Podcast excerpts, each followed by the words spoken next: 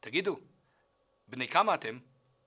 לא, לא, לא בערך, לא רק שנים, כמה חודשים, כמה ימים. שלום חברים, שאלו פעם חסיד אחד, בן כמה אתה? והוא ענה בשליפה כמה שנים, כמה חודשים וכמה ימים עברו מאז לידתו. זה דבר שמי שלא מתכנן אותו, קשה לו לבצע את זה. רק מי שמנצל את ימיו בצורה מקסימלית יודע בדיוק כמה ימים, כמה חודשים וכמה שנים עברו מאז לידתו. אנחנו נמצאים בתוך ספירת העומר.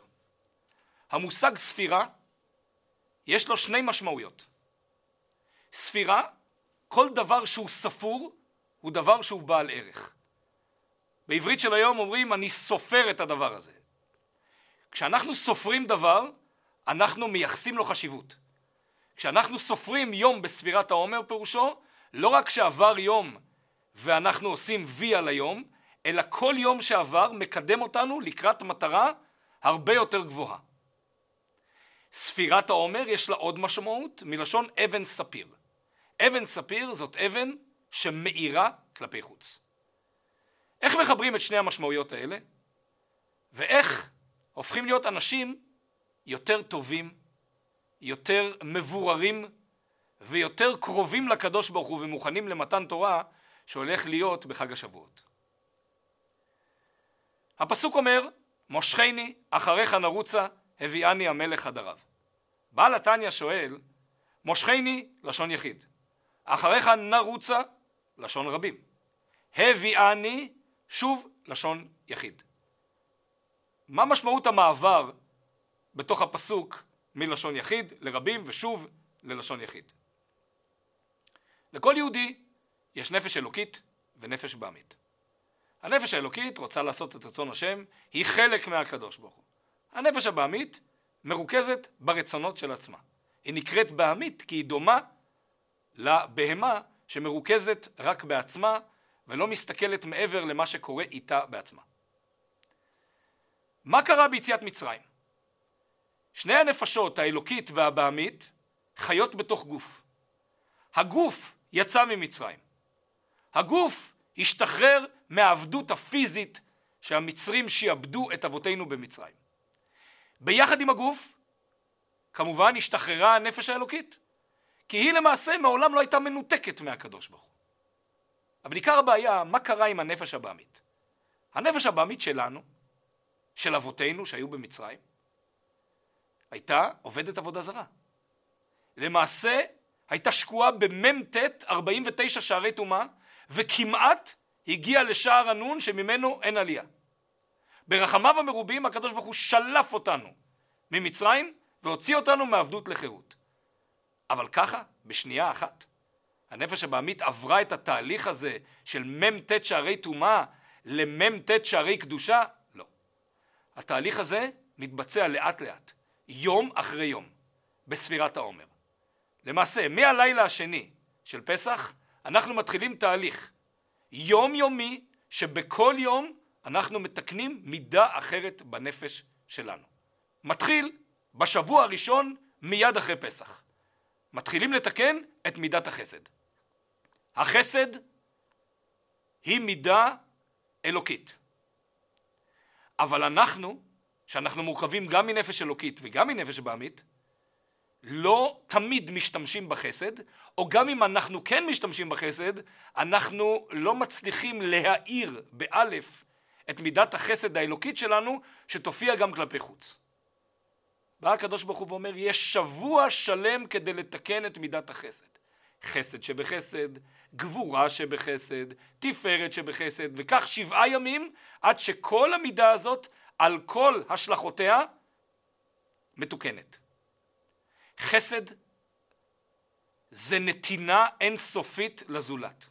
כדי להגיע לכזה מצב שאני לא במרכז העניינים, אלא הזולת הוא מרכז העניינים, ואני עושה דבר על מנת להתגבר על הנפש הבעמית, שהייתה רוצה להשאיר את הכל אצלי, ואני מתגבר עליה ונותן כלפי הזולת, כלפי חוץ, זה נקרא חסד. יום אחרי יום אנחנו מתקנים את המידה הזאת ומשפצים אותה מכל הכיוונים עד שהשאיפה היא שבסוף שבוע החסד המידה הזאת אכן מתוקנת. זאת נתינה בשלמות, זאת נתינה בשמחה, זאת נתינה מתוך ביקורת עצמית, האם אני נותן כמו שצריך, זאת נתינה שמשלבת הרמוניה, וכך הלאה. בשבוע אחרי זה אנחנו מתקנים את מידת הגבורה. מידת הגבורה שבאופן נגיד בהמי הייתה מופיעה כלפי חוץ כביקורת, כהרס, כחורבן, כצעקות, תופיע בשבוע הזה, אם נצליח לתקן אותה כמו שצריך, תופיע כביקורת עצמית, כביקורת בונה, כדבר שמווסת את מידת החסד ויודע להעביר אותו לפסים הרצויים. גם הגשם מכונה בשם גבורות גשמים. גם הגשם מופיע בצורה של גבורה, והקדוש ברוך הוא נותן אותו בתגבורת, והשבוע הזה יוצר לנו הבנה מה זה למעשה גבורה אלוקית. מושכני היה ביציאת מצרים. אחריך נרוצה מתבצע תוך כדי ספירת העומר. יום אחרי יום אנחנו רצים, אבל כבר אנחנו רצים, רצים אחרי הקדוש ברוך הוא, אבל אנחנו לא נגררים, אנחנו לא נמשכים, מושכני, אנחנו רצים גם בכוחות עצמנו, כי אנחנו מתקנים את המידה. ואלה שתי המשמעויות של המילה ספירה. גם ספירת כל יום כיום שעשוי בשביל לתקן את אותה מידה ספציפית של אותו יום, שבע כפול שבע, מתחילת ספירת העומר ועד חג השבועות, 49 יום, וגם להאיר באלף את המידה אצלנו. המידה קיימת, רק היא רדומה. היא לא מוארת, היא לפעמים חשוכה, וכשדבר חשוך אתה לא מוצא אותו. נרוצה כי אנחנו כבר גילינו אצל עצמנו את המידה הזאת. ואחר כך בחג השבועות הביאני המלך הדרב. שני הנפשות מתאחדות למציאות אחת ומתחברות עם נותן התורה בחג השבועות. נחזור לאותו חסיד ששאלו אותו בן כמה אתה, והוא ידע לנקוב במספר המדויק של השנים, החודשים והימים. כשכל יום מנוצל, כשכל יום יש לו משמעות, אנחנו יודעים גם להגדיר כמה זמן אנחנו חיים. כשהימים רודפים אחד אחרי השני ולמעשה אין הבדל משמעותי בין יום אחד למשנהו, לא ברור כמה זמן אנחנו חיים. הגיל הכרונולוגי לא כל כך משנה כאן, משנה כמה ניצלת כל יום. על אברהם אבינו כתוב ואברהם זקן בא בימים. לכאורה זה כפילות, זקן ובא בימים זה אותה משמעות. זקן זה גיל כרונולוגי. בא בימים פירושו כמה ימים ניצלת, כמה ימים באת בתוכם. לא רק נתת להם לעבור, לא רק נתת להם לחלוף, היה יום, עבר יום וזהו. באתי בתוך היום, נכנסתי בתוך היום, ניצלתי אותו כראוי. חברים, ספירת העומר זה זמן מאוד מאוד מיוחד כדי להתכונן לחג השבועות. הקדוש ברוך הוא נתן לנו מתנה של 49 ימים שבהם נוכל לנצל את הזמן, להשקיע במחשבה איך אנחנו מתקנים את המידות, איך אנחנו באמת מגיעים מוכנים למתן תורה, ואז כשיגיע בעזרת השם חג השבועות, חג מתן תורה, התורה תתקבל על ידינו בצורה אחרת לגמרי. אנחנו נהיה יותר מוכנים לקבלה שלה, יותר מבינים מה אנחנו צריכים לעשות איתה.